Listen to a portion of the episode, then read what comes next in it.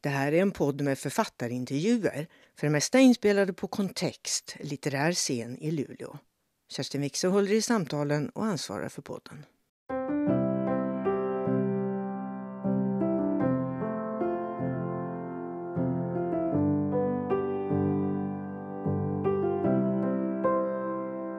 Välkommen till Kontext, Ia Genberg. Tack.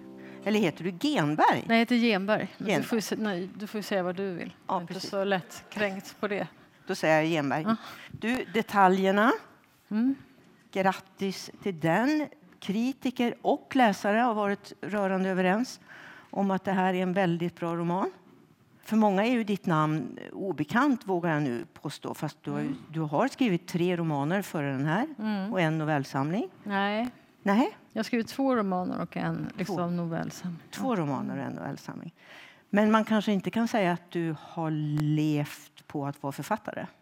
Nej, det har jag aldrig gjort. Det är inte så många författare som gör det. Man håller på med andra saker och gör skrivkurser och eh, skriver lite här och där i tidningar och håller på och duttar med olika brödjobb och lever på sin partner och vad man nu gör.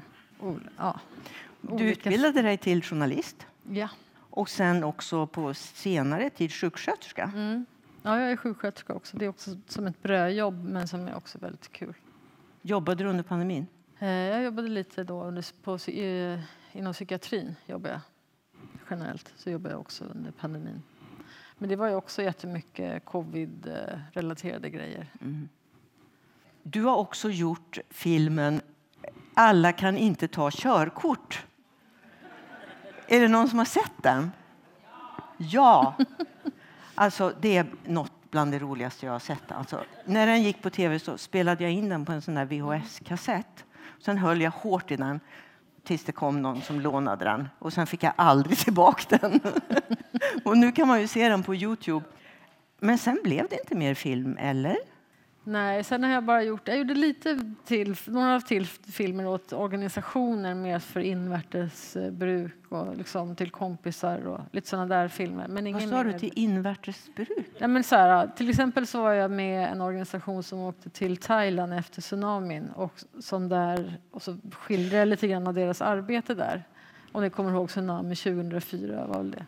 Och då så åt den organisationen gjorde jag en liten film. Det kallar jag för invärtesbruk. Aha. Det var ingenting som skulle gå någon annanstans utan Nej, det var bara mer någonting som de skulle ha för sig själva och visa när de samlades igen.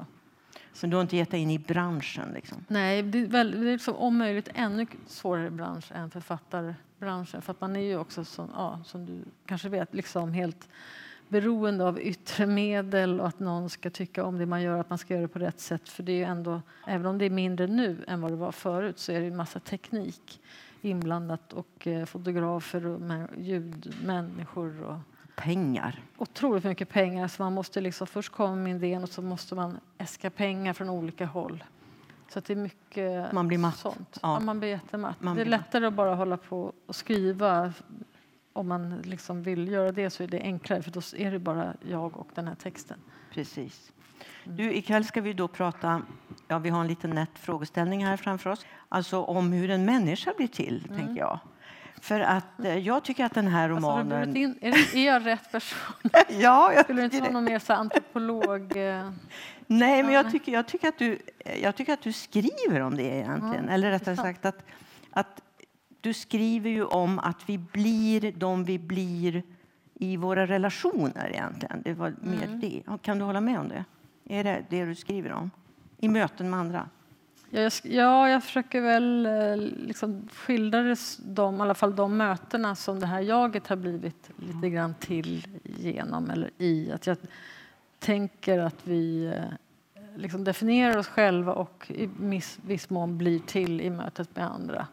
Och att vi först då kan vi förstå oss själva och om vi riktar oss utåt så eh, är det också ett mycket liksom, skönare sätt att umgås med sig själv än att bara vara upptagen med sin egen spegelbild. Och sen också det här att, att mötet med andra att det sätter avtryck i, det sätter Mm. avtryck i i dig, då, eller i berättarjaget i den här romanen. Ska vi reda ut det där med berättarjaget? För det är så konstruerat ord det där. Mm. Det här är ju en roman, så att det är ju inte du då rakt upp och ner som berättar. Mm. Men på många sätt är det väl ändå du, eller? Men, vad menar du med du? Ja, men du. du. Jag? Ja. Nej, det här är litteratur, så jag, jo, jag har skrivit den. Ja, jag vet. Eh, och eh, visst så delar jag vissa erfarenheter med personen i boken som berättar, absolut. Och viss mån så är ju allt man skriver liksom sant, även om det är påhittat. Men berättarjaget är en egen liten person. Precis. Vi får se vad, hur jag kommer att titulera dig då när vi pratar om det där. Om jag säger du ibland så får du inte bli förnärmad. Nej. Då förstår du att jag menar berättarjaget. berättarjaget. Mm. Okay. Liksom jaget i boken. Liksom. Eftersom inte hon har något namn. Det var ju också dåligt ja. att inte hon har det. Men det har hon ju nu inte. Nej, hon har ju inte det. Jag letade. Så därför kan vi ju inte säga något namn. Nej, då säger jag du. Mm. du, alltså det som jag tyckte så otroligt mycket om med din bok, förutom att den är väldigt rolig emellanåt, tycker jag. Väldigt rolig. Det är ju att, att du skriver om alltså det som till synes skulle kunna vara väldigt hemskt, nämligen att bli övergiven. Det tycker ju ingen av oss om. Det är ju liksom en sån där otäck upplevelse. Mm tror jag de flesta människor tycker, så lyckas du skriva om de här fyra personerna som att det inte bara blir hemskt. Mm. På vilket sätt det finns blir det inte bara hemskt? vissa saker. Jag tänker du säger att det är så hemskt att man vill inte vara med om det. Alltså tänk dig själv om du skulle ligga på din dödsbädd och aldrig blivit övergiven. Har du inte missat något då egentligen? Alltså, du tänker efter själv på stunden. Jag antar att du har blivit övergiven av Absolut. en annan partner. Ja. Eller liksom ett barn som flyttar hemifrån. Det finns massa, massa sätt. Och föräldrar som dör och så. Även om det är hemskt så är det väl det som också gör en hel. Liksom. Eller blir mer liv. Du säger alltså att man bör bli övergiven? Nej, men man bör vara öppen för de erfarenheter som, man, som kommer. Och övergivenheten är liksom en del av det som vi ska det är väl bara liksom, man får tacka och ta emot och eh, lida det som ska lidas. Liksom. Men jag tror inte att vi, vi vill le, egentligen vi vill liksom inte leva liv utan att bli övergivna. Eller lida. Ibland kan det vara bra också. Alltså det är väl en del av erfarenheten. Eh, liksom hur... Eh, alltså man, man, man blir övergiven till exempel i en kärleksrelation. Då tar man liksom med sig någonting till nästa. Oavsett om det kan vara lite smärtsamt och dåligt på olika sätt så är det ju ändå, man går ju därifrån som en eh, större människa. Liksom. Äh, du håller inte med? Du skulle vilja... Vi pratade om kallbad innan och du var så här, nej, aldrig. Och då så min, för jag gillar att bada kallt ibland. Och då är liksom min tes, det är liksom nästan, min ansats är nästan teoretisk där kan man säga, även om det är väldigt praktiskt när man är i badet med sin kropp och det är liksom två grader varmt. Men jag tänker mig att man ska försöka expandera sina gränser och att det inte ska vara så här äh, liksom, helförsäkring, åtta timmars sömn, alltid lite lagom mätt och inte riktigt hungrig heller och man är 37 grader hela tiden. Att det liksom är ganska... Jag tror på de här ytter, liksom, ytter, de här kanterna helt enkelt. Att man kan, och där någonstans är ju övergivenheten. Så du rekommenderar egentligen övergivenheten? I måttliga doser. så sjuk slutsats. Jag menar att när den kommer så bara ta emot den som en present. Så kan vi säga. Ja. Nej, jag sitter här och börjar fundera på, känner man ens någon enda människa här i världen som inte har blivit nej, övergiven? Precis, så att det tillhör väl den mänskliga mm erfarenheten mm. helt enkelt. Och då är det ju bättre att ha det där kallbadsperspektivet mm. på det hela, mm. att välkomna Precis. det. Nu är det så här jobbigt, så kan man tänka. Ja. Oj, vad jobbigt nu, var. nu var det så här. Oh, Okej. Okay. alltså detaljerna, det är ju så märkligt med den här boken för att jag menar, jag har ju inte varit med om det du, exakt det du berättar i, med de här fyra historierna. Men det väcker ju snabbt minnen. Mm. Alltså i min egen personliga historia som man relaterar till de här personerna och händelserna, och även om de inte är identiska. Mm. Är det typ den reaktion du får från läsare? Ja, jättemånga kommer fram efteråt och säger så här, ja, jag, jag hade också en sån relation som med Alejandro, eller jag känner en Nicky, jag känner flera Nicky. Jag bodde på eh, oh, i Kristianstad, jag bodde i kollektiv med en Nicky, det var förfärligt, hon städade aldrig, bara pizzakartonger överallt. Och folk har också en Sally och lite så. Mm. Tänk att du träffar, alltså, att du träffar så atypiska mm, historier på något sätt. Det är fascinerande tycker jag. Mm. Du säger att jag har tagit med en annan bok också. Mm. Paul Auster, New York-trilogin. Det förstår du direkt varför jag har gjort. Berätta varför jag har tagit med den. Jag tror att du har tagit med den för att den här boken som jag har skrivit börjar lite grann när berättarjaget kom, har feber och liksom slår upp, går upp och slår upp den här boken. Och första, på första, försättsbladet så står det skrivet en dedikation till berättarjaget som, är, som liksom får henne att minnas. Eh, att minnas grejen. Johanna?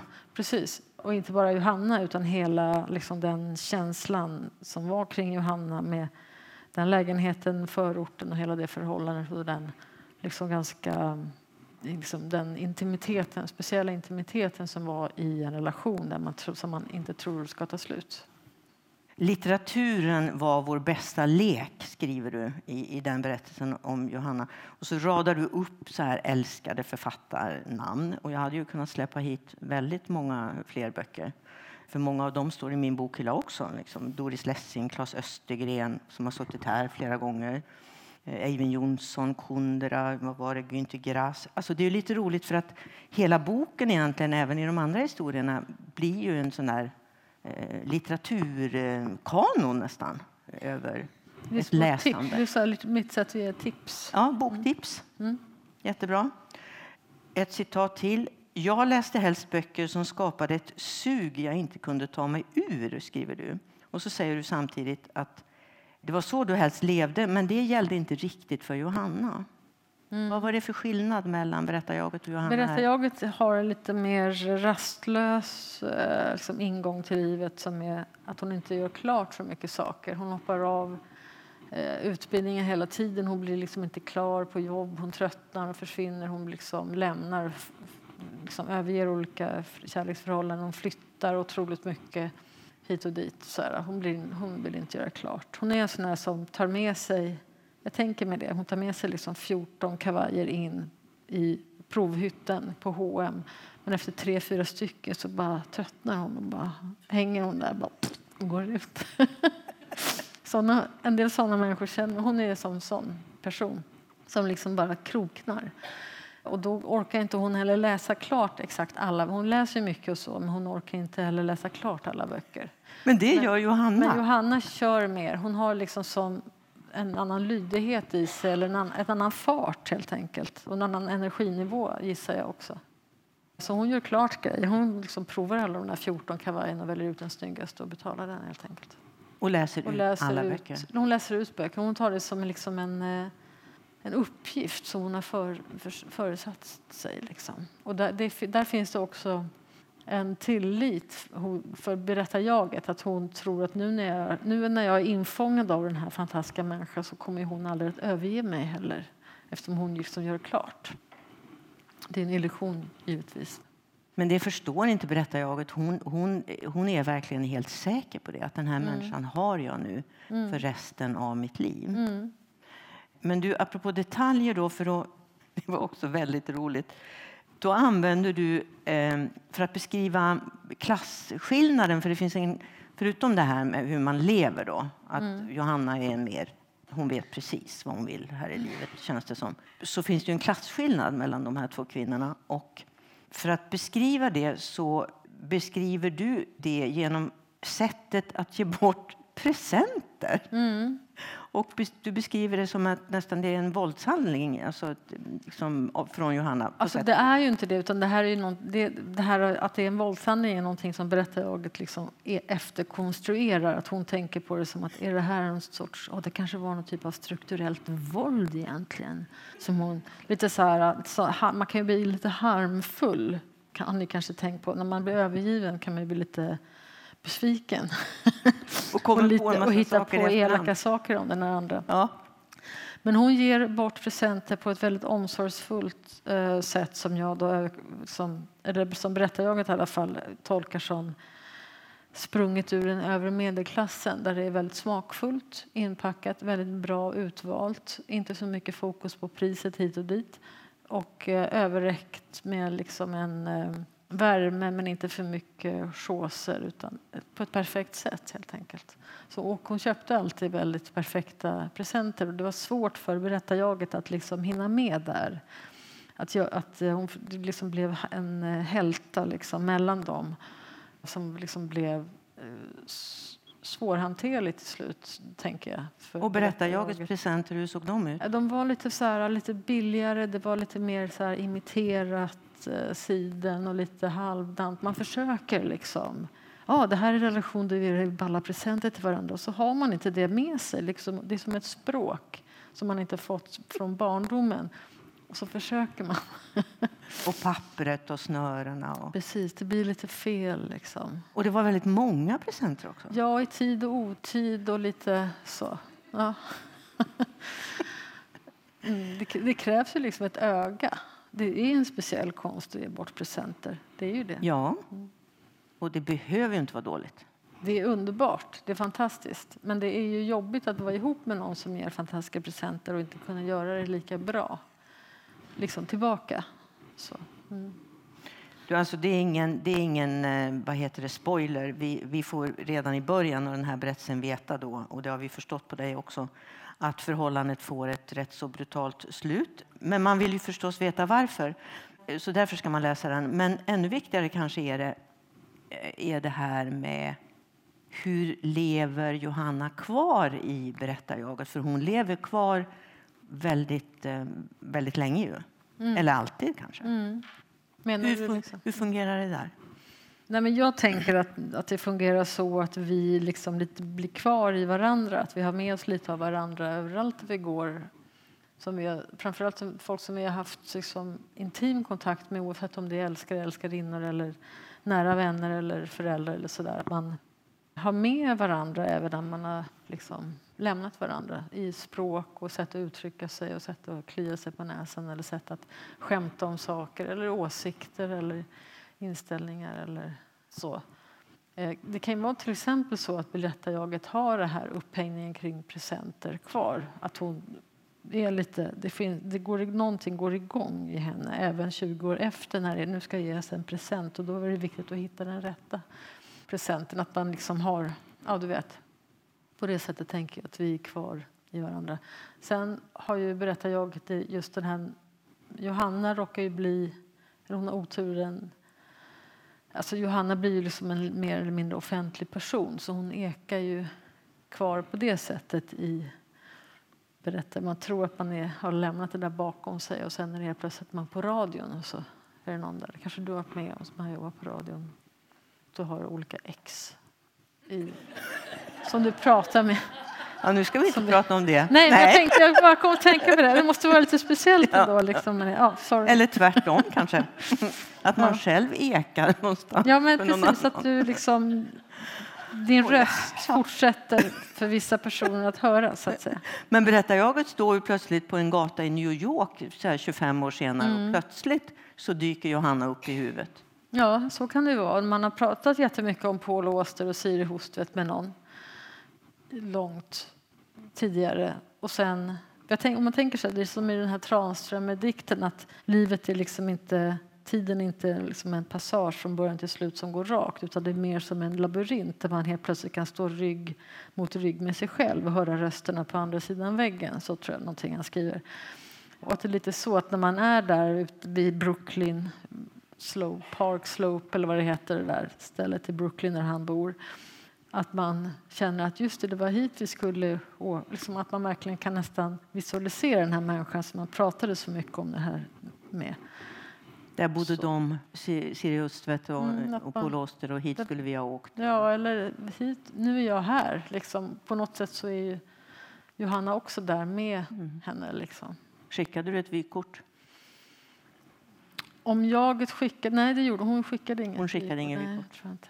Men du, allvarligt eh, i den här brytningen då är ju, det är ju lite allvarligt för berättarjaget för att skrivandet, Mm. eh, författeriet, har ju då under förhållandet blivit så knutet till Johanna. Mm. Och när hon då plötsligt inte är där, eh, då, då går det jättetrögt. Alltså, hur Hon, hur, hur hon blev det så? Ja, men hon, det blev liksom själva den kreativa eh, motorn blev knuten till Johanna för att Johanna var väldigt entusiastisk inför ber- berättarjagets skrivande. Och uppmuntrande. Och, Uppmuntrande och hjälpte till och var liksom pushig så att hon liksom delar med sig lite grann av den här allmänna farten hon hade. Du vet, man är med någon som har mycket energi så helt plötsligt så är man lite, får man lite mer energi själv. Och sen när hon försvinner så, så blir så kroknar hon och går snabbt in i sitt vanliga tempo, det vill säga stillastående mer eller mindre. inte så mycket styrfart helt enkelt. kommer inte framåt. Nej, inte, inte helt och hållet. Hon försöker väl ett tag men eh, ger upp sen. Men sen börjar hon... Det möjligt att, ja, sen kanske hon... Sen har hon väl ett, ett liv där hon försöker skriva men inte gör det så bra. Men däremellan är det som skrivarkurser på Ja, löpande band för att komma igång och sådär. Rätt Ja. lång tid, lång Ja, det period. uppfattar jag också lite som lite tjatigt för henne. Innan hon förstod att det här, eh, det här kan inte jag göra liksom, själv. För du skriver där, framåt är en riktning bara för den som har fart. Det hade ju Hanna och inte du. Mm. Mm, nej, jag förstår.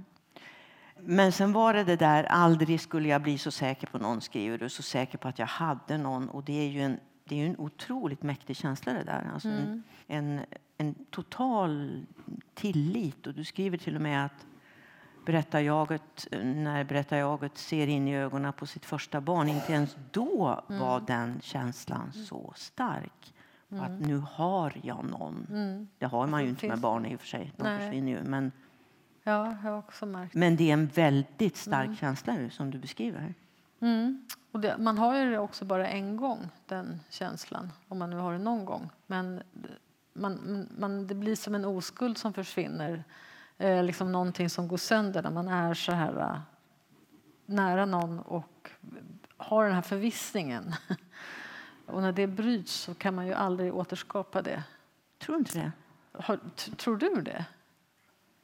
Nej, men alltså, då, det blir ju som ett bevis på att så där, det där funkar inte. Det där gick inte att tänka så, att ha, vara så säker på någon.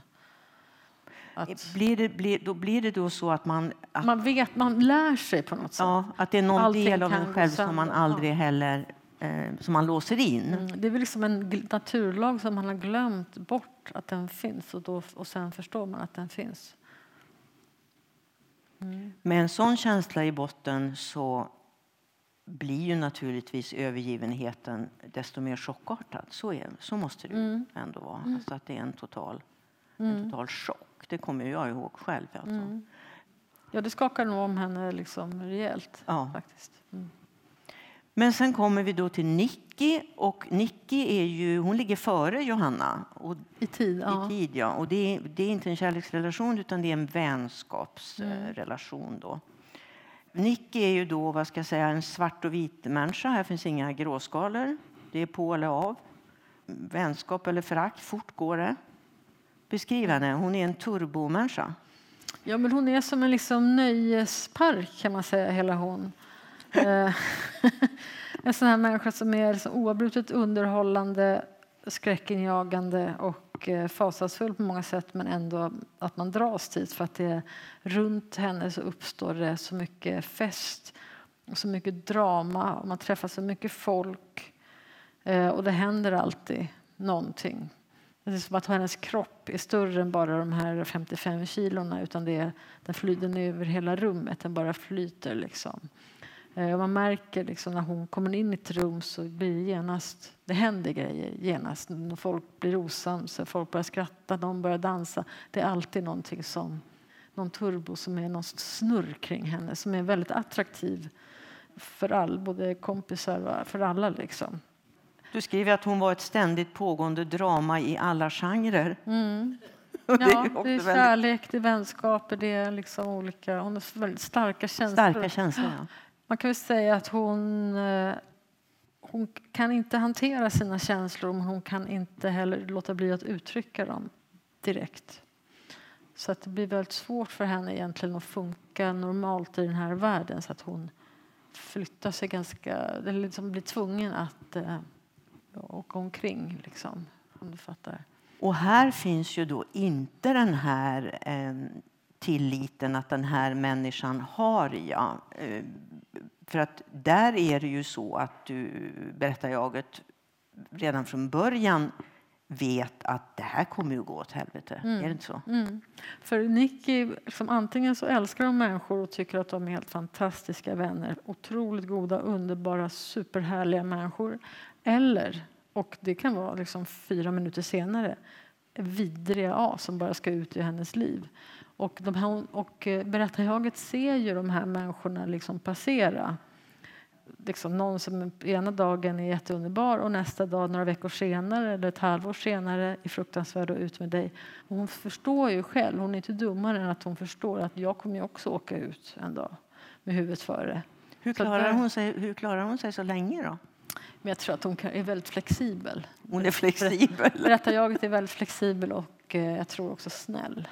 Snäll, okay. Och förstår kanske också Nicky, står ut med henne. Står ut med den här jävla röran i hennes lägenhet. Det är ju, den är outhärdlig egentligen. Men att man anpassar sig och sådär. Så att det, hon får, det känns ändå som att hon är kvar ett tag. Ja, rätt, mm. rätt länge. Ni brukade, eller berättar jag, att hon brukade sitta på ett tak i soluppgången och försöka skrika till någon sorts livskänsla. Och nu skriver du att ehm, eh, du fortfarande förstår vitsen med det där skriket men inte varför ni var tvungna att gå upp på det där taket. Nej, men man går ju bara upp på tak. När man är runt 22-23 är det väldigt viktigt att gå upp på tak. Och så. Sen är det lite obegripligt för de flesta. ja, men det, liksom, så är det ju. så är det bara. Hon gillar inte låtsasmänniskor. Vad är det för människor? Ja, men det, är folk, det är det som är liksom härligt med Nicky. Det är att hon är mitt i det här dramat och allting är väldigt autentisk och har väldigt höga krav på folk omkring sig att de ska vara liksom, på riktigt och autentiska. Jag gissar lite grann att hon skulle hata det här livet som är nu. Det här är ju på liksom i början, slutet på 80-talet och början på 90-talet. Jag tror inte hon idag gillar det här skärmlivet där vi hela tiden är lite delade och scrollar och samtidigt som vi pratar och gör allting liksom samtidigt som vi gör något annat. Hon är väldigt så här... Hon vill att det ska vara autentiskt och på riktigt och att man pratar på riktigt. Det tror jag berättar jaget, äh, eller jag tror att, det tror jag att du gillar också. Du gillar inte heller låtsasmänniskor. Du använder ordet autenticitet flera gånger genom mm. de här berättelserna. Mm. Det ska vara på riktigt. Vad är det egentligen? Ja, men det är ju det här... Uh, Alltså, vi är ju här inne tillsammans, vi som är här och delar den här lokalen, det här ögonblicket. Om vi nu lever bara ett liv, åtminstone gör vi liksom ett liv i taget, varför inte vara på riktigt då, när vi ändå är här? Att man liksom inte hela tiden tittar på sig själv utifrån eller är upptagen med hur verkar jag nu, mitt hår är jättedåligt. Liksom. Utan att vi liksom möter varandra där vi är och inte är så inte använder varandra som speglar utan mer bara går ut från oss själva och ser varandra. Så tänker jag. Och talar med varandra? Ja. Och I det ingår också att ni hatar anekdoter. Nicky gör det, och eh, författarjaget också. Mm. Eh, och där, det där tyckte jag du beskrev så otroligt bra. Jag tänkte, vad är det för fel på anekdoter? Det kan väl vara kul. Men sen läste jag vidare. Och då förstår jag precis vad du menar, apropå samtal. Mm. Att anekdoter föder inte samtal. Förklara hur. Nej, men det, som, det här är Nickis åsikter då. Uh. blink, blink. Nej, men det är det. Och, eh, för det finns jätteroliga anekdoter också. Men när man träffar, när Nick, Nick är liksom... Det är ju liksom nästan motsatsen till på riktigt när någon berättar samma sak, samma berättelse som den har berättat tidigare och ibland till samma person, att man hör samma berättelse en gång till från samma person. Då är ju inte det liksom ett... Då, då kvalificerar det inte sig till ett riktigt möte enligt Nicky då, man säger. Och dessutom anekdoter tenderar ju också att föda andra anekdoter så till slut så sitter ju alla bara och berättar anekdoter. Då kan vi, kan vi ju ha alla våra möten på Zoom eller mejl eller vad som helst om vi bara ska presentera framför allt sådana här anekdoter där man själv är hjälte och gör några fantastiska det, är ju, alltså det tycker jag också, det håller jag med Nicky, det är ju supertråkigt. Eller liksom lite lätt meningslöst helt enkelt. Det blir bara... som en stängd dörr. Ja, och sen så, när du berättar något då lyssnar inte jag för då börjar jag tänka på vilken anekdot ska jag berätta härnäst. Och så börjar man avbryta varandra liksom med olika anekdoter. Jag tycker supertråkigt. Jag, jag skulle inte vilja ha liksom ett... Tänk så här, det är ju sista... Om det, om det är det sista samtalet man har med någon, ska det samtalet vara att vi sitter och berättar några anekdoter och vad roligt? Liksom, eller hur? Jag håller med. Nej. Jag håller med. Jag kommer aldrig att våga berätta en anekdot för dig. Eh, jag tycker att det är roligt med anekdoter, men det har sin, eh, liksom, sin begränsning. Framför allt upprepade anekdoter. Absolut. Du, vänskapen med Nicke kretsar också till del kring böcker. Mm. Där kommer fler tips. Där swishar P.O. Enquist förbi. Han har suttit på vår scen. Mosil, mannen utan egenskaper, han har inte varit här. Ni läser ju inte alltid samma. Du går mm. på Birgitta Trotzig till exempel och Nicky hon älskar ja. Birgitta Trotzig. Mm. Varför älskar hon Birgitta Trotzig? Ja, men det är någonting det här äh, lite halv, liksom andliga, religiösa, eller ja, mörka, dova, lite ångestladdade underjords liksom, grejerna liksom, rötter ner. Liksom, det här dova, det dras Nicky till väldigt mycket. Jag tror de har liksom mycket gemensamt. Idag skriver du skulle hon antagligen kallas för störd eller få en diagnos. Nej, Nej hon kallades för störd ja, redan Det som jag säger är så här, idag skulle hon få en diagnos. Min gissning som då något lite kunnig inom psykiatri att hon skulle få diagnosen som förut hette borderline men som nu heter eh, emotion, instabil emotionell personlighetsstörning eller vad det heter. Ja. Men då, på den tiden, så var det inte sån, då höll vi inte på med det här. Eh, det fanns ju nästan ingen kompetens alls. Nu är vi väldigt kompetenta på det, att ge varandra diagnoser. Det finns en oerhört utbredd kompetens i befolkningen generellt, eller hur? Det finns ju inte alls nu på samma sätt som det fanns. Då, då var det mer så här äh, att man förhöll sig till varandras jobbiga grejer. Man, man liksom besvärliga människor, här är liksom en jobbig typ och så förhåller man sig till den individen liksom på individnivå och man hanterade sig själv och varandra på det sättet. Nu är det mer att vi sorterar in varandra i medicinska gemenskaper mycket enklare. Eller hur? Vad gör det med oss, tror du? Jo, men det kanske inte blir lika kul. Liksom, det, blir, det var roligare, tror jag, med Nicky och berättarjaget att, ni, att, ni, att Nicke gick omkring där helt odiagnostiserad med och stod där på taket och skrek och tjoa och hade sina konstiga fester och var jättejobbig, besvärlig människa med den här nöjesparken. Liksom. Och då var, då var hon ju liksom, det, det man sa till varandra då var ju så här, men hon är jävligt jobbig. Hon är ju jävligt störd. Det kunde man säga. Det var så långt som vi, liksom, de beteckningarna som fanns då. Och det är ju trubbigt också, såklart. Det är klart att det finns att det är bra med liksom, medicinska gemenskaper också. klart. Självklart. Men det var, vi var inte lika snabba på det. Jag tror att det begränsar oss? Lämnar vi då, vi träffar en människa som är störd eller jävligt jobbig och så tänker man, gud hon, hon, han har en diagnos, jag orkar inte med det här. Och så mm. liksom går man förbi de människorna. Så mer. kan det vara, att man får en massa egenskaper som, inte, som man inte har. För diagnosen är ju inte burk, färdiga burkar där man stoppar in människor, utan människorna finns ju först och sen diagnoserna försöker på något sätt rita liksom en karta över verkligheten. Men eh, jo, det, det, jag tror att det kan tänkas så att vi liksom missar en del av varandra. Om vi då pratar om det här att, att människor som försvinner ut ur ens liv ändå sitter kvar igen på något sätt. Hur, sitter, eh, hur skulle du beskriva att Nicky sitter kvar i berättarjaget? Som en tolerans för kaos, eller? Ja, men kanske. Att det finns, eh, precis, hon har, var väldigt en ytterupplevelse där. med vad man står ut med när det gäller städning eller hon har något att jämföra med. Galenskap, ja. Det blir aldrig någonsin så rörigt som det var hemma hos Nicky. Så tänker jag. Så det är en större tolerans helt enkelt. Mm. Mm. Och eh, Dykungens dotter av Birgitta Trotzig, den blev också kvar i något lite halvmögligt exemplar Mm. hos Berättarjaget Mm. i Det apropå lite det där biblioteket. Mm. Som Mycket litet grejer som står där. Tecken. Mm. Ja. Ingen dedikation dock. Nej, lite mögelfläckar kanske. Lite mögelfläckar, lite nickifläckar. Alltså så kommer vi då till Alejandro. Mm.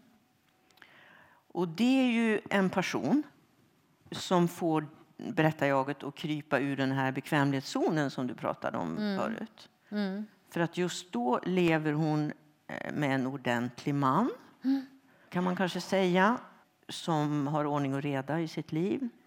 Honom överger hon direkt. Han står och slänger ut hennes saker från balkongen eller vad det är. Mm. Alltså för Alejandro faktiskt. är det mer fart på. Ja. Han är liksom dans. Vem är han? Men han dansar mycket. Han dansar i en grupp som hon råkar se egentligen bara en onsdag på Fasching. De ligger mitt i Stockholm, en jazzklubb. Och hon blir liksom helt eh, besatt av honom kan man säga. Eller de blir väl liksom besatta av varandra men de lever så liksom, olika liv och man förstår direkt att det här kommer inte att det kommer inte bli något. Eller till och med så förstår hon att det här kommer att göra ganska ont.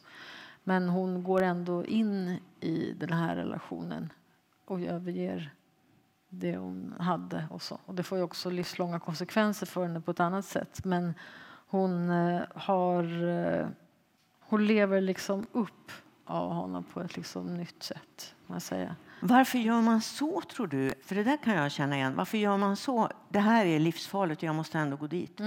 Varför gör man så? Jag tror att det är för att man känner att man lever då på ett liksom exceptionellt sätt.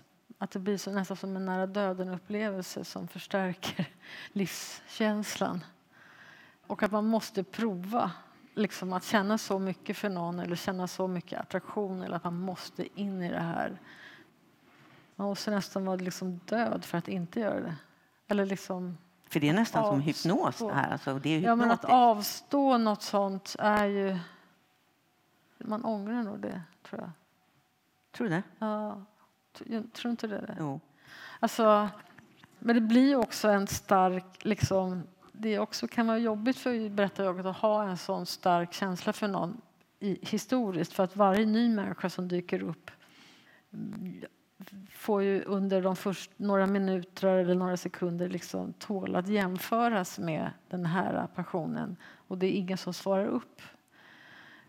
Det är liksom. farligt på det sättet Det är också. farligt på det sättet för man får en ny standard eller en, ny, en tröskel eller man vet så här kan jag känna. Jag kan känna så här. Jag kommer nog inte göra det igen för någon. Det är ju Eh, livsfarligt. Mm, på det sättet så är det ganska dumt egentligen. Mm. Men berättarjaget vet ju, det är ju som med Nicky, hon vet ju att det här kommer ju att gå åt helvete. Du skriver någonstans där att ehm, han tog droger som jag inte ens hade hört talas om.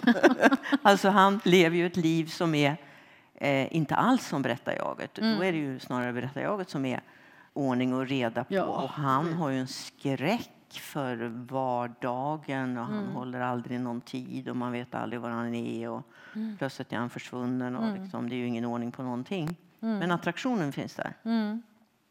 Här måste vi föra in Sally i händelserna. Mm. Sally har ingen egen berättelse, men hon är en konstant. Ja.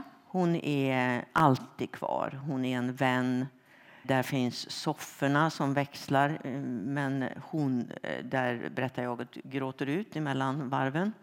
Men hon finns alltid där. Mm. Sådana relationer sätter sig ju också i oss Mm. På ett helt annat sätt. Hur? Mm. Men hon är med för att hon, dels att hon binder ihop alla berättelser på liksom en av de saker som binder ihop de olika porträtten eftersom hon finns kvar. Men hon är också kvar som, hon är också där som en liksom konstant och någon som inte överger berättarjaget som alla andra gör. Så, så att hon, hon är ju kvar. Vad var det du frågade? Ja, alltså, hur sätter hon sig, alltså en, en sån trofast vän, hur sätter hon sig i kroppen? Hon är ju liksom en, den som man kan luta sig mot. helt enkelt. Och det är väldigt många. Jag har flera Sally i mitt liv och jag tror många här har någon Sally också där man det finns inget ägande eller några sådana behov eller krav på den utan man bara man är där för varandra på ett väldigt som grundläggande empatiskt sätt utan att varken eh, som tävla eller vilja, liksom, vilja nå så mycket med varandra mer än att bara vara, ihop, vara där. Liksom. Och du kan också vara en Sally? Ja, absolut. Mm. Men det är intressant med henne tycker jag, för att när du då säger fästa dig vid någon till exempel, mm. då säger hon fastna. Ja, hon har ju lite anknytningsproblematik om ja. vi ska prata om eh, psykologi. ja, alltså hon letar eh. inte efter bestående relationer. Jo, men hon har, nej, hon är liksom lite mer flyktig där verkar det som. I alla fall till en början. Sen så tänker jag att hon kanske får till det sen. Eller det får, det får hon ju helt enkelt. Men eh, Medans, och det var också som en kontrast med berättarjaget. Hennes egenskap är ju det här att liksom förmågan att knyta an. Hon har ju en sån förmåga att bli nära väldigt fort. Medan Sally, i, när det är fråga om kärlek, kanske är lite mer teflonartad. Det är, eller vad man ska säga. Öppen för det mesta, men också lätt att eh, gå vidare. så att säga. Ja, hon glömmer vem hon låg med i natt. Liksom. Det ja, och liksom den här snubben, nej men det är ingenting för mig. Har, ja, hon är liksom en typ sån som jag har träffat flera också som har en massa... Eller hon är inte liksom lösaktig eller nåt men hon fäster sig inte vid folk så mycket. Hon fastnar inte? Nej. Mm. Mm. Och hon säger ju då om Alejandro, en strulig kille säger mm. hon om Alejandro. Hur reagerar Man skulle bara, kunde bara tänka sig vad han skulle få för diagnoser, eller hur? Det, Alejandro? Ja. ja. ja. Han skulle få jättemånga bokstäver gissar jag. Men eh, då var att han var lite strulig. Strulig? Strulig. Mm. Mm, strulig. Men eh, berättarjaget, ja det ser väl, hon ser ju också det. Mm. Att han är en strulig kille. Men berättarjaget vet typ från början att det här kommer inte, det kommer inte vara det här. Och då blir det ju väldigt dramatiskt där på själva millenniumdagen. Mm. Då ska Alejandro sätta sig på ett plan till USA. Och då, mm. säger han till, då säger han plötsligt till berättarjaget. Fyra timmar kvar. Du hinner hämta ditt pass. Han får liksom en impuls. Där. Ja. ja, det är jättekonstigt. Men då, ja, men alltså, det är också väldigt häftigt. Mm. Men då gör inte hon det. Nej, men hon kanske, nej, det gör hon inte. Men det där är ju liksom... Ja, vad är det för miss... Oh, det kanske är ett misstag då. Eller inte. Nej, jag säger inte att det är ett misstag. Nej, men det, bara, varför bara, gör hon det inte? Eh, hon kanske liksom, det här är ju en, om man går in i en, en relation som man tänker sig det här är ju dödsdömt då blir relationen också dödsdömd på något sätt. Man kan liksom inte definiera om den sen, tänker jag. Och kanske ligger lite kvaliteten där i också. Man har någonting som inte... Jag menar semesterförälskelse till exempel. Man vet att nej men du åker tillbaka till ditt snart och jag åker tillbaka. Men det här är ju fantastiskt. Så, men om någon kom och sa att eh, liksom, nej men ni får leva resten av era liv om ni vill. Så då är det bara, nah. Kanske. Men jag tror i det här fallet så tror jag att berättarjaget ganska ofta, hon, som hon skriver då, eller som jag skriver, att hon, hon kanske berättar om honom som en strulig kille. Jag visste att det aldrig skulle gå. Och lite så här, eh, en ytlig berättelse. Liksom, för folk en anekdot? Hon, en anekdot. Han blir en anekdot som, för, som hon kan säga till folk som hon inte känner så bra. Men ändå så tror jag att jag skriver att hon ibland drömmer att han kommer och bara knackar på dörren och säger ska du med nu? Och att hon då bara följer med utan att se sig om ens. Hon bara tar jackan och ja. går. Och jag tror att vi, det sådana fantasier kan vi ha om folk i vårt förflutna. Att vad fan, om den där människan kommer... Ibland kan jag liksom... Man hör helikoptern. Så då bara, man, liksom man, man kanske är lite missnöjd med sitt äktenskap. Och så hör man, vad fan, nu, nu kommer hon eller han och hämtar mig. Jag går direkt. Jag går. Så, alltså inte som ett löfte eller liksom något verkligt, utan den känslan helt enkelt. Så på det sättet så är han kvar hos henne. Jag förstår. Mm. Mm, jag förstår. Så kommer då den sista berättelsen i boken. Berättelsen om Birgitte, mamman. Och det här är inte en berättelse om din mamma, det har du sagt i intervjuer. Men du har också sagt att du hade inte kunnat skriva den här berättelsen om din mamma fortfarande hade varit i livet. Mm. Varför det? Ja, men det, det blir ju så när man skriver om man, om man har en mamma och skriver om en mamma. Då blir det ju lätt att, Mamman tror. att mamma tror att det är mamma. Dessutom, vissa saker delar ju min mamma och eh, Birgitte. Men långt ifrån allt. Så det, det var liksom, eh, när jag tänkte på det när jag skrev det så var det liksom väldigt eh, klart att det här skulle jag aldrig kunna skriva om hon hade varit i liv. I liv liksom. Om vi nu har pratat rätt muntert om de här kanske ändå lite tunga historierna, men alltså språket, det ligger i språket. Det är liksom det, för historien är en sak, men, men Ia skriver så Alltså det är så roligt att läsa hennes meningar helt enkelt, eller hur du lägger orden.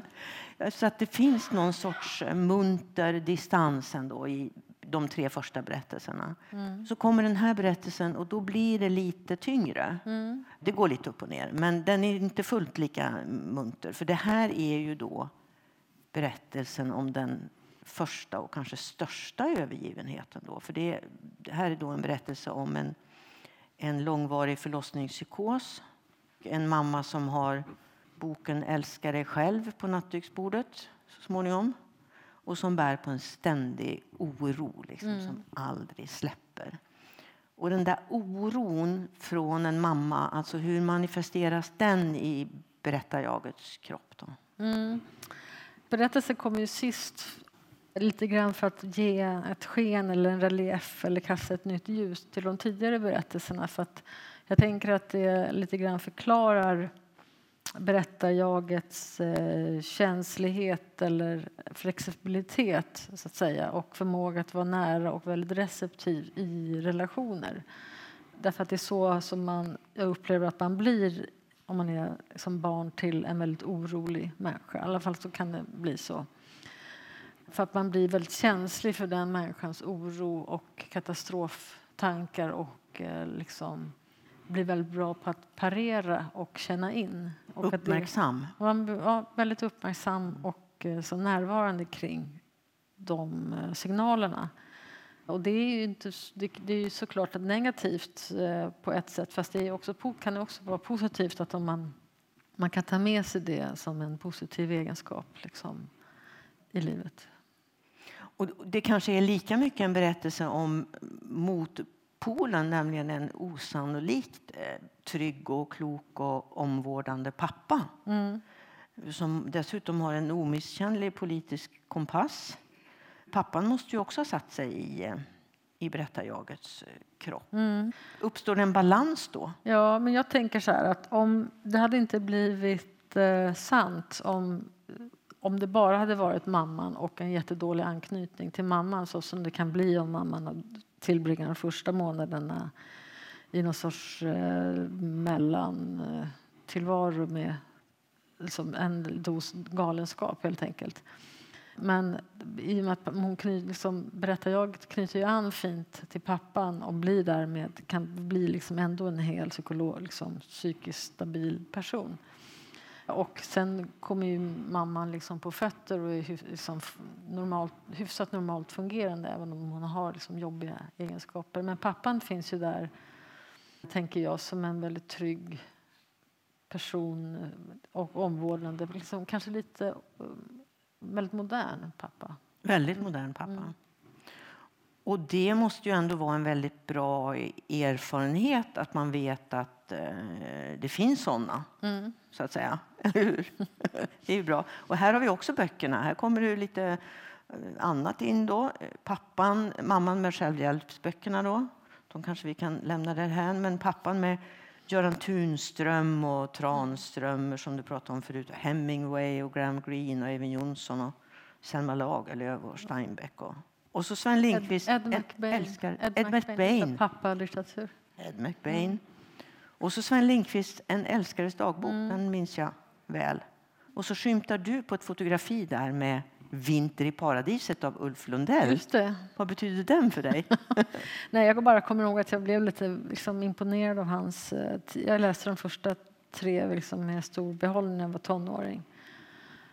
jag ville ha med den på något sätt för att hans litteratur, liksom hans naturskildringar och så. Det var ju att det är på ett fotografi för att pappan är eh, fotograf och de här fotona tenderar att eh, finnas kvar, liksom, eller fin, prägla barndomen på ett sätt så att det alltid finns foton från varje tillfälle. Och sen när man ser de fotona så kommer man ihåg ja, den perioden. Liksom, så, som det kan bli. Men du, om pappan då är trygg och stabil, då, alltså Birgitta hon kommer ju på fötter så småningom, men då, då ger hon sig ju då in i en värld av, ja vad ska vi säga, eh, tarotkort och astrologi och märkliga läkarkurser och alternativ medicin. Och, mm frigörande dans och fasta mm. och stränga kostråd. Och, mm. ja, vad är Tarmsköljningar. Tarmsköljningar. Ja, det som folk höll på då. Hon är liksom en orolig person som inte riktigt upplever jaget då. Inte riktigt står för sig själv utan eh, lutar sig mot folk, gärna mot någon man. Liksom, som är också signalerar och är tillräckligt liksom, attraktiv för att män vill ta hand om henne. De störtar fram och hjälper henne. Och, och hon trivs ju väldigt bra då på 70-talet, tänker jag mig, i det här lite mer kollektiva. Eh, och att det är lätt att sjunka in i en sån en rörelse i ett sånt kollektiv. Sen spelar det inte så stor roll vad det är för riktning liksom exakt. Och hon är inte heller så nyanserad politiskt eller så. Men det är liksom skönt att bara sjunka in i det. På 80-talet så blev det lite andra bullar. Vi blev mer urskilda som individer och då får hon det lite svårare, tror jag, att, att stå för sig själv. Och liksom, och då, så, då, då så orienterar hon sig mot den här självhjälpsgrejen som kom upp då mer att vi det blev mer eh, astrologi och liksom renings grejer och yoga. Och, alltså, jag är inte emot någonting sånt. Men det blev en, liksom en rör, hon, och hon orienterade sig mot det. Hon började prata med präster. Hon började liksom ett sökande. Vad är det hon söker? Ja, men hon sö ja, som alla människor söker svar på vem är jag, vad är jag här, hur, hur ska jag bli hel? Liksom. Går det bra? Ja, jag tror kanske inte att det går så bra egentligen. Hon kanske mer... Det är som mer som ett att det var väldigt kortvarig läkning tror jag för henne. Hon skulle ju behövt mer eh, genomgripande hjälp från början. Hon har ju ett trauma då som tidigare i sitt liv där hon inte blev liksom, som hon aldrig liksom riktigt läkte ifrån. Alltså, du är ju eh, mellanåt rätt hård eh, mot Birgitte i den här texten. Du skriver till mm. exempel för Birgittes del var nog sökandet inget annat än en pås. Ett nytt sätt att vara ytlig på. ja, det var inte så snällt. Ja, hur menar du? Nej, men berättar jag, det berättarjaget är liksom lite, upp, lite irriterad på Birgitte för att hon är just ytlig. Och jag-svag om vi nu ska sätta ja, diagnoser. Då. Precis, lite jag, lite ytlig för att det är svårt att fördjupa sig om man är så där orolig. För man måste ändå hela tiden se till att saker är på sin plats och det, liksom, det är väldigt jobbigt att sjunka ner då, för då släpper man ju liksom sig själv om man ska landa i något. Att meditera till exempel är ingenting som Birgitte riktigt klarar, det fattar, det klarar av. För Nej. att hon måste ha koll på alla grejer. Men den här uppmärksamheten tänker jag då för barnet i den här berättelsen. Det är ju någonting som förmodligen aldrig kan gå över. Är det inte så? Alltså om man mm. har lärt sig den där uppmärksamheten eller se farorna eller se betydelsen av vissa rörelser mm. eller se så kan det aldrig försvinna. Eller? Nej, men det behöver inte vara dåligt. Det Nej. blir som en egenskap. Och sen får man ju använda det som... Det kan ju vara både ett lyte och en begåvning. Mm. Liksom. Mm. Men du sa det att den här berättelsen ligger sist men att det är ju egentligen då grundberättelsen till de andra berättelserna. Varför det finns en sorts känslighet. Även om vi nu sa i början att alla människor är känsliga för att bli övergivna så finns det kanske en, en uh, större känslighet mm. hos det här berättarjaget. Hur fungerar det där?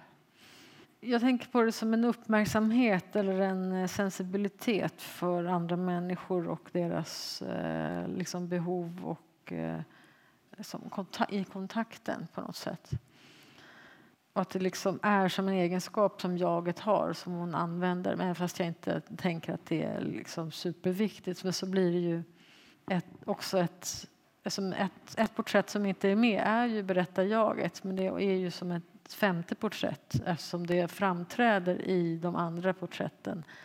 Om ett jag berättar om andra människor så berättar hon ju också om sig själv. Även om hon inte nämner sig själv så himla mycket. Men jaget framträder ju i summan av de andra berättelserna. Ja, och det är ju ett rätt intressant jag, eh, skulle jag då vilja säga. För att hon är ju då väldigt, eh, hon är öppen, hon är passionerad.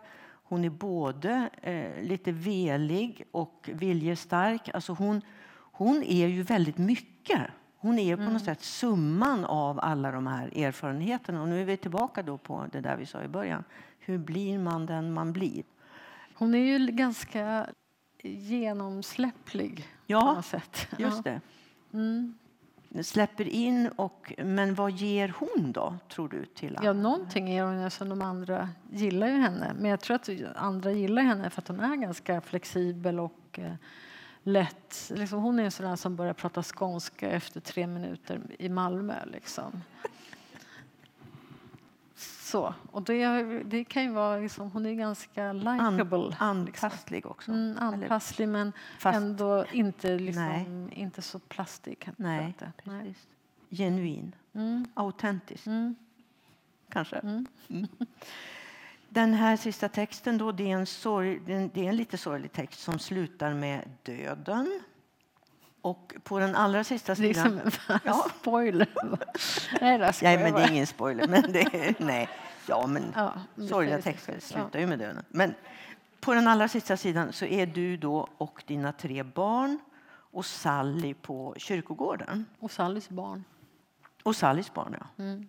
Just det, då har hon plötsligt barn också. Har hon hittat någon som hon har fastnat Uppenbarligen har hon fastnat ja, för någon. Mm. Fastnat för någon. Hon hittar ju någon där kring millenniet. Ja, just det, just det, just det. På de där, alla de där festerna. Mm. När ni bytte klänningar hela tiden. Nej, det var inte då. Nej, det jo, Sally bytte. Mm. Det var ju liksom en... Ehm, ja, millenniet. Ja, vi strunt ja. Mm. Men då, då, finns det en reflektion där över livet som jag undrar om vi inte skulle kunna sluta med att läsa. Ja, ja visst. Och då är det Nej, det är ingen spoiler, men det, det är sista sidan i, i boken. Men... Jag läste slutet, där behöver ni inte läsa något mer. Jo, det behöver Då vet ni hur det slutar. Vem som var mördaren. Ska jag börja där ur? Ja. Mm. Okej, okay, det här är sista sidan då. Ur de döda synvinkel blir kronologin ointressant. Det enda som räknas är detaljerna, graden av förtätning, detta hur och vad och allting som har med vem att göra. När jag var yngre tänkte jag att jag måste resa mer, längre bort, oftare vistas i främmande länder. Att jag borde försätta mig i konstant fart för att liksom ta mig ut och leva på allvar. Men efterhand förstod jag att det jag sökte fanns just här, inuti mig själv, inuti sakerna omkring mig. I de där brödjobben som blev mina jobb i vardagens molande, i ögonen på dem jag möter när jag låter blicken bli kvar. Efter febern skriver jag igen, som när ett gammalt efterlängtat sår slits upp och börjar blöda. Och det blir väl ett ofullständigt pussel, antar jag. Bilderna av andra och vem det är som egentligen porträtteras. Vid någon av gravarna brukar Sally plocka fram en termos och skåla med kaffemuggarna mot stenarna omkring. Snart är det för sent, säger hon och räcker mig termosen. Vi måste därför anstränga oss till det yttersta. Vi måste anstränga oss till det yttersta. Ja. Det tål att tänka på. Vad ja. menar du med det egentligen? Alltså jag menar så här, det, är egentligen ett citat från någon eh, som jag precis hade läst när jag skrev det där. En eh, japansk tror jag, möjligen kinesisk zen-mästare som vars brev jag läste. Jag har glömt bort vad han hette. Och då skrev han det. Och det som jag tänker mig att det betyder är inte liksom ansträngningen i en handling, att vi liksom lyfter något eller så, utan ansträngningen i liksom, eh, i varandet, i närvaron med varandra. Att jag kan vara här mer, med, liksom med mer eller mindre innerlighet eller ansträngning och att den ansträngningen tror inte jag kostar så mycket.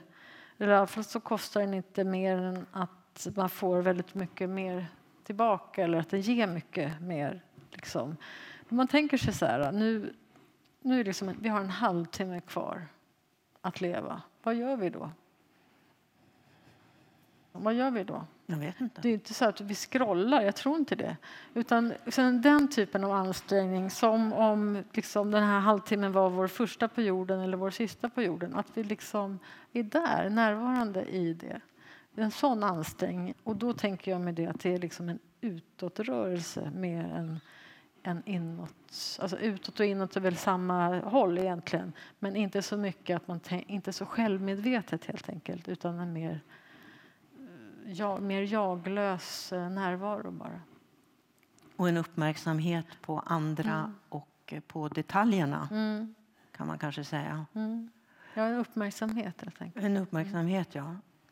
När du hade skrivit den här boken, tänkte du då någon gång tvärtom? Har berättarjaget gjort motsvarande, alltså påverkat andra gjort outplånliga intryck, övergivit.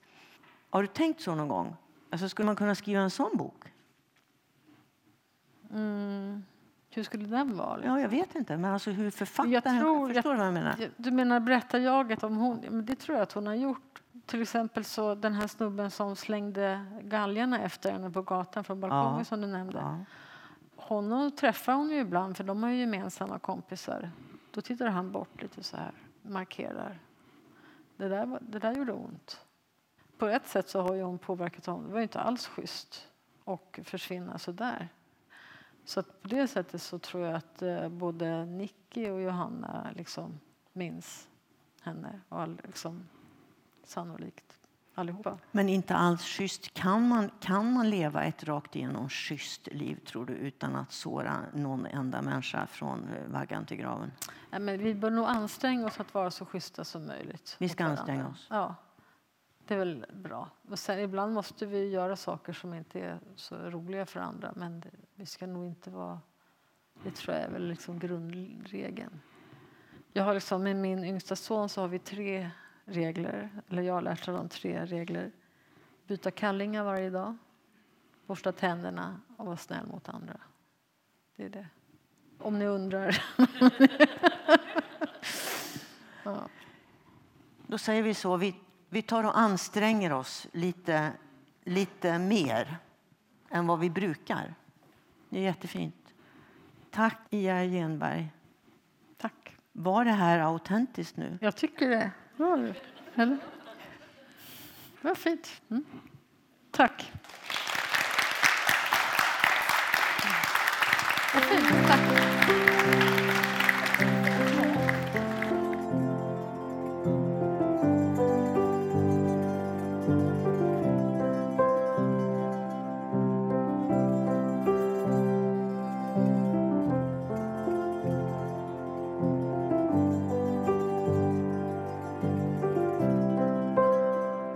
Kontext podcast produceras i samarbete med Kontext, litterär scen i Luleå. Författarscenen drivs med hjälp av Statens kulturråd och Luleå kommun.